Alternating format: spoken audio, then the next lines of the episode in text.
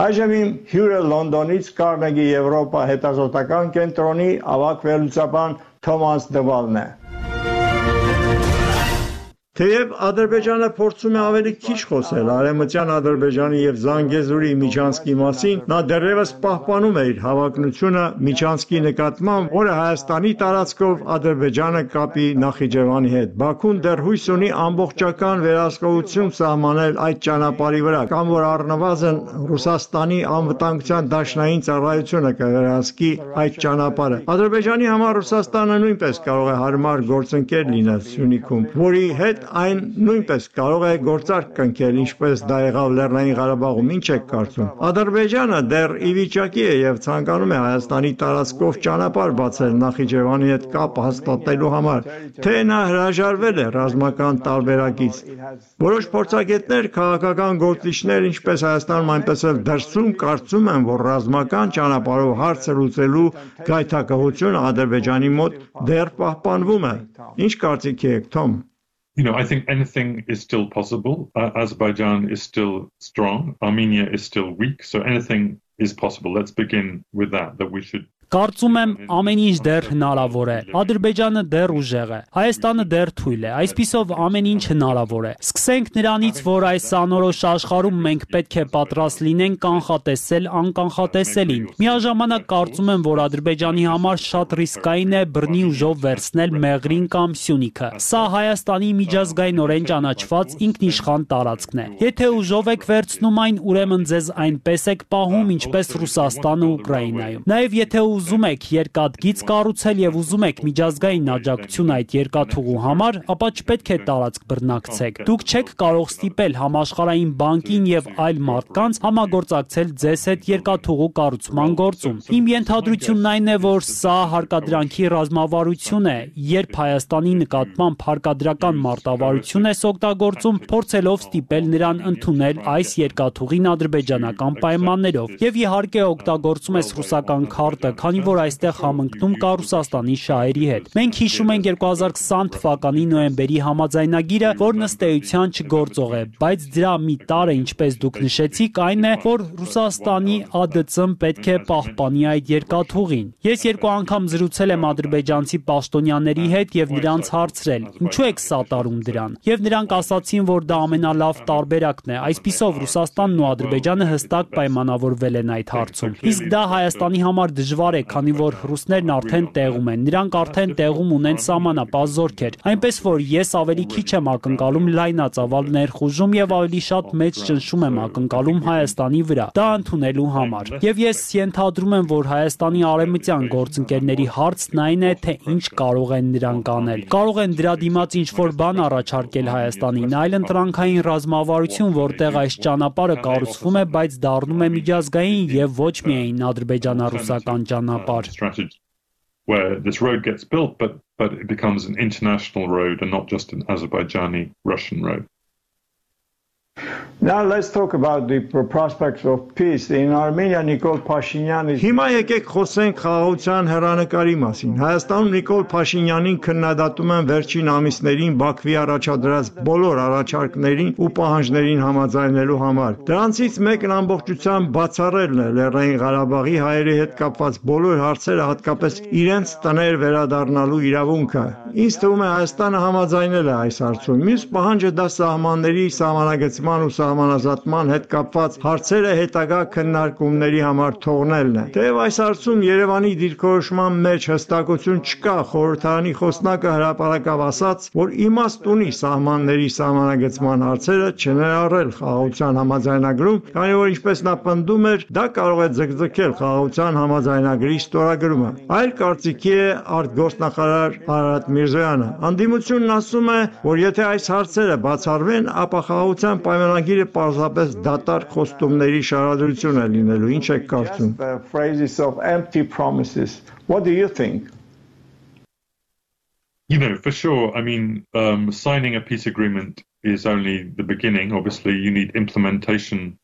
Իհարկե, խաղաղության համաձայնագրի ստորագրումը միայն սկիզբն է, ակնհայտ է, որ անհրաժեշտ է խաղաղության համաձայնագրի իրականացում։ Իսկ կոնֆլիկտաբանության մեջ հայտնի վիճակագրություն կա, որ խաղաղ համաձայնագրերի կեսից ավելին խափանվում են 5 տարվա ընթացքում։ Իսկ խոսքը բավականին բարդ խաղաղության համաձայնագրերի մասին է, այնպես որ դա միայն ստորագրումը չէ, դա ակնհայտորեն նաև իրականացումն է։ Հայաստանն ասում է, որ ցանկանում է խաղաղության համաձայնագրի միջազգային երաշխիքներ եւ դա նշանակում է, որ միգուցե պետք է է ուժեղացված մոնիթորինգի ներկայություն լինի, ինչպիսին եվրոպական մոնիթորինգի ներկայությունը սահմանին, որպեսզի դա բարձրացնի զսպման գործոնը ու հետ պահի Ադրբեջանին Հայաստանի դեմ ուժի կիրառումից։ Կարծում եմ սա է գաղափարը, եւ հետո փորձում եք հնարավորինս միջազգայնացնել հարցը։ Եվ այստեղ մենք տեսնում ենք լարվածություն Հայաստանի եւ Ադրբեջանի միջև, որն ասում է ոչ, մեզ պետք չէ որևէ միջազգային պայմանագիր կամ մեզ պետք են տարածաշրջանային լուծումներ, որոնց տակ նկատի ունեն Թուրքիային, Ռուսաստանին եւ Իրանին, բացառելով արեմուտքը։ Կարծում եմ,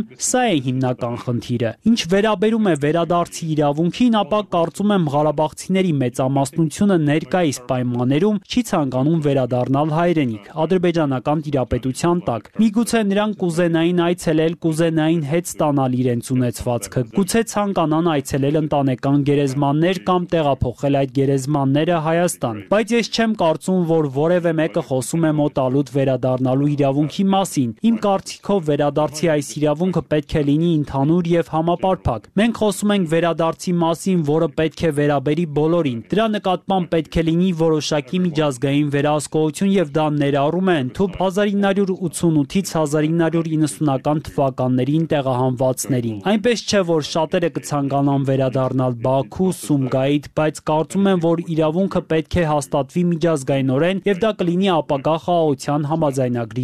internationally, um, and I think that will become will be part of any future peace agreement. Դուք բազմիցս եք եղել տարածաշրջանում, այդ թվում Լեռնային Ղարաբաղում, դուք եղել եք Ստեփանակերտում, Ստեփանակերտի այդ ուրվական քաղաքի լուսանկարներն ու տեսանյութերը դատարկ փողոցներով էթնիկ զտումների վառ ապացույցն են։ Ողբերգության ծավալը հսկայական է, բայց այն, թե ինչպես է աշխարհն արձագանքել այդ մարդկային տառապանքներին ավելի քան 100.000 բնակչություն ունեցող պատմական հայկական շրջանի հայաթափմանը, առնվազն ամ անբավարար էր, իսկ շատ հայերի համար անմարդկային։ Ինչ է ձեր մտքով անցնում այս լուսանկարներին նայելիս, ինչպես եք զգում, ինչպես կբնութագրեք այն, ինչ տեղի ունեցավ Լեռնային Ղարաբաղում, in Nagorno-Karabakh?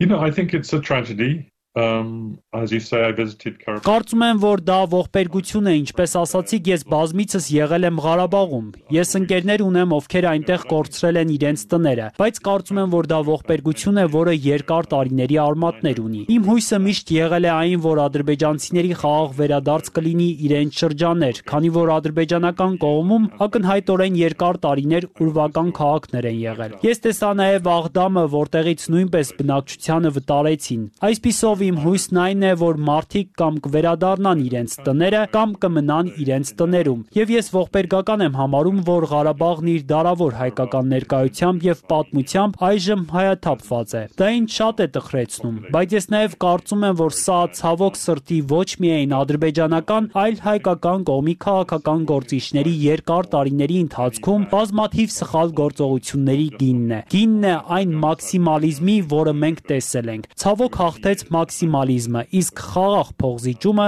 չկարողացավ հաղթել։ Maximalism prevailed and and peaceful compromise um, did not prevail. What would you would you just Մի փոքր կմանամասնեք այդ մաքսիմալիզմի պահը, խնդրում եմ, սա կարևոր է։ You know, I think the moment let, let let's be specific and say the moment was it in 20 2019 Կոնկրետացնեմ, այդ պահը 2019-ին էր։ Մենք տեսանք ռազմական համազգեստով Իլհամ Ալիևին, Ստեփանակերտի հրապարակում տոնակատարության այդ սարսափելի տեսարանները։ Բայց նույն հրապարակում 2019-ին, եթե հիշողությունս չի դավաճանում, Փաշինյանը նույնպես ելույթ ունեցավ, ասելով, որ Արցախը Հայաստան է եւ վերջ։ Կարծում եմ դա այն պահն էր, երբ Ադրբեջանը նույնպես հրաժարվեց դիվանագիտությունից ու փողզիջումներից ու սկսեց շարժվել դեպի պատերազմ։ Հայ քաղաքական քաղաքական գործիչների գործն էր ադրբեջանցիներին հույս տալ, որ նրանք վերադարձնեն իրենց տարածքները։ Եվ այդ հույսը կարծում եմ ավարտվեց Արցախը Հայաստան է խոսակցությունով, այնպես որ Փաշինյանի հայ քաղաքական գործիչների կողմից այս տարիների ընթացքում հաստատ սխալներ են թույլ տրվել, որոնք հանգեցրել են պատերազմի։ Իսկ պատերազմը հայերի համար ողբերգական ավարտ է ունեցել։ Ես միշտ ասում եմ, որ իմ նման մարդկանց համար, ովքեր ցանկանում էին տեսնել խաղաղության պայմանագիր, դա իսկապես շատ տխուր տեսարան է։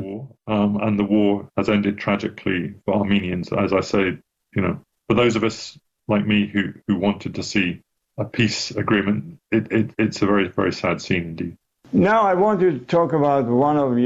Այժմ ես ուզում եմ որ դուք խոսեք ձեր հիմնական կետերից մեկի մասին, որ Սյունիքի մարզը կամ Զանգեզուրը վերադարձել է օրակարգ եւ որ մեծ տերությունների քաղաքականությունը տարածաշրջանը դարձրել է աշխարհակաղակական առումով նշանակալի վայր։ Մեծ տերությունները կրկին վերադարձել են իրենց շահագրգռությամբ օգտվելու այս իրավիճակից։ Ինչպես դուք եք նշում, Եվրամիությունը դիտորդական առաքելություն է տեղակայել այնտեղ Ադրբեջանի կողմից սահմանից այս կողմ ներխուժումից հետո ինչ է լինելու, ինչ կարծիք ունեք դրա վերաբերյալ։ What's your take on this one? Well, you know, as I wrote in that essay, who who who would have believed that a few years ago that in the town of Kapan you would see EU flags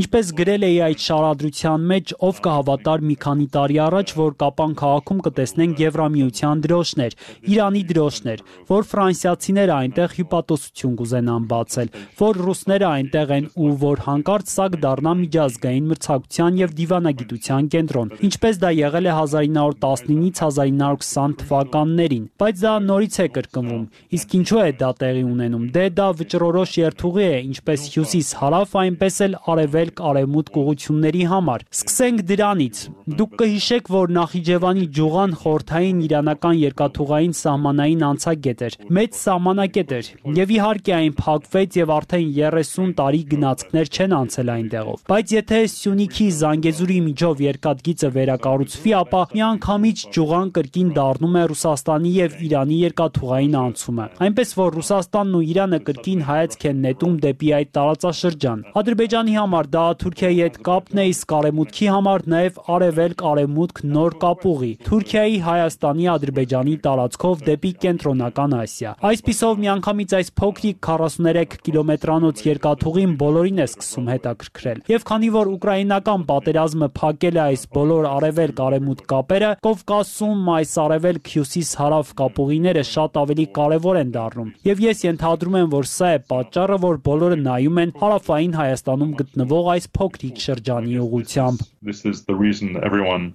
is looking at this little this little tiny region of southern Armenia. Արդյոք մենք լուրջ ջանքեր ենք տեսնելու Հայաստանի զինված ուժերի անվտանգության համակարգի ամրապնդման հարցում։ Արդյոք Եվրամիությունը կամ Եվրամիության անդամ առանձին երկրներ պատրաստ կլինեն այդ նպատակով լուրջ գումարներ ներդնել եւ սարքավորումներ տրամադրել։ Մենք Միացյալ Նահանգներից լսեցինք, որ Ադրբեջանը կամ Հայաստանը չպետք է մասնակցեն տրանսպորտային եւ հաղորդակցման նախագծերին, որոնցում ներգրավված կլինեն Ռուսաստանը եւ Իրանը։ Կա արդյոք արևմուտքում պատրաստակամություն բարելավելու Հայաստանի պաշտպանունակությունը եւ անվտանգության ոլորտը օգնելու Հայաստանին եւ Ադրբեջանին վերջապես խաղաղության համաձայնագրի հասնելու համար։ Նայելով ապագային, ինչ եք կարծում այս հարցի շուրջ, ինչ զարգացումներ կլինեն։ I think there's political interest, I think there's diplomatic Կարծում եմ կա քաղաքական հետաքրքրություն, կարծում եմ դիվանագիտական հետաքրքրություն կա, կարծում եմ որ մի փոքր տնտեսական հետաքրքրություն էլ կա։ Ինչ վերաբերում է անվտանգությանը, ապա ես խիստ կասկածում եմ, որ Եվրամիությունը կամ ՆԱՏՕ-ն ներդրումներ կանեն Հայաստանի զինված ուժերում։ Հայաստանը դեռևս ՀԱՊԿ անդամ է։ Միգուցե Ֆրանսիան երկով մակարդակով ինչ որ բան անի, բայց այստեղ մենք խոսում ենք երկարաժամկետ գործընթացի մասին։ Երկարաժամկետ հերանեկարում կարծում եմ Հայաստանը կարող է շատ լավ հերանեկարներ ունենալ։ Այն ժողովրդավարական երկիր է ու կարծում եմ այդպեսին կմնա։ Այն շարունակում է լավ կրթված բնակչություն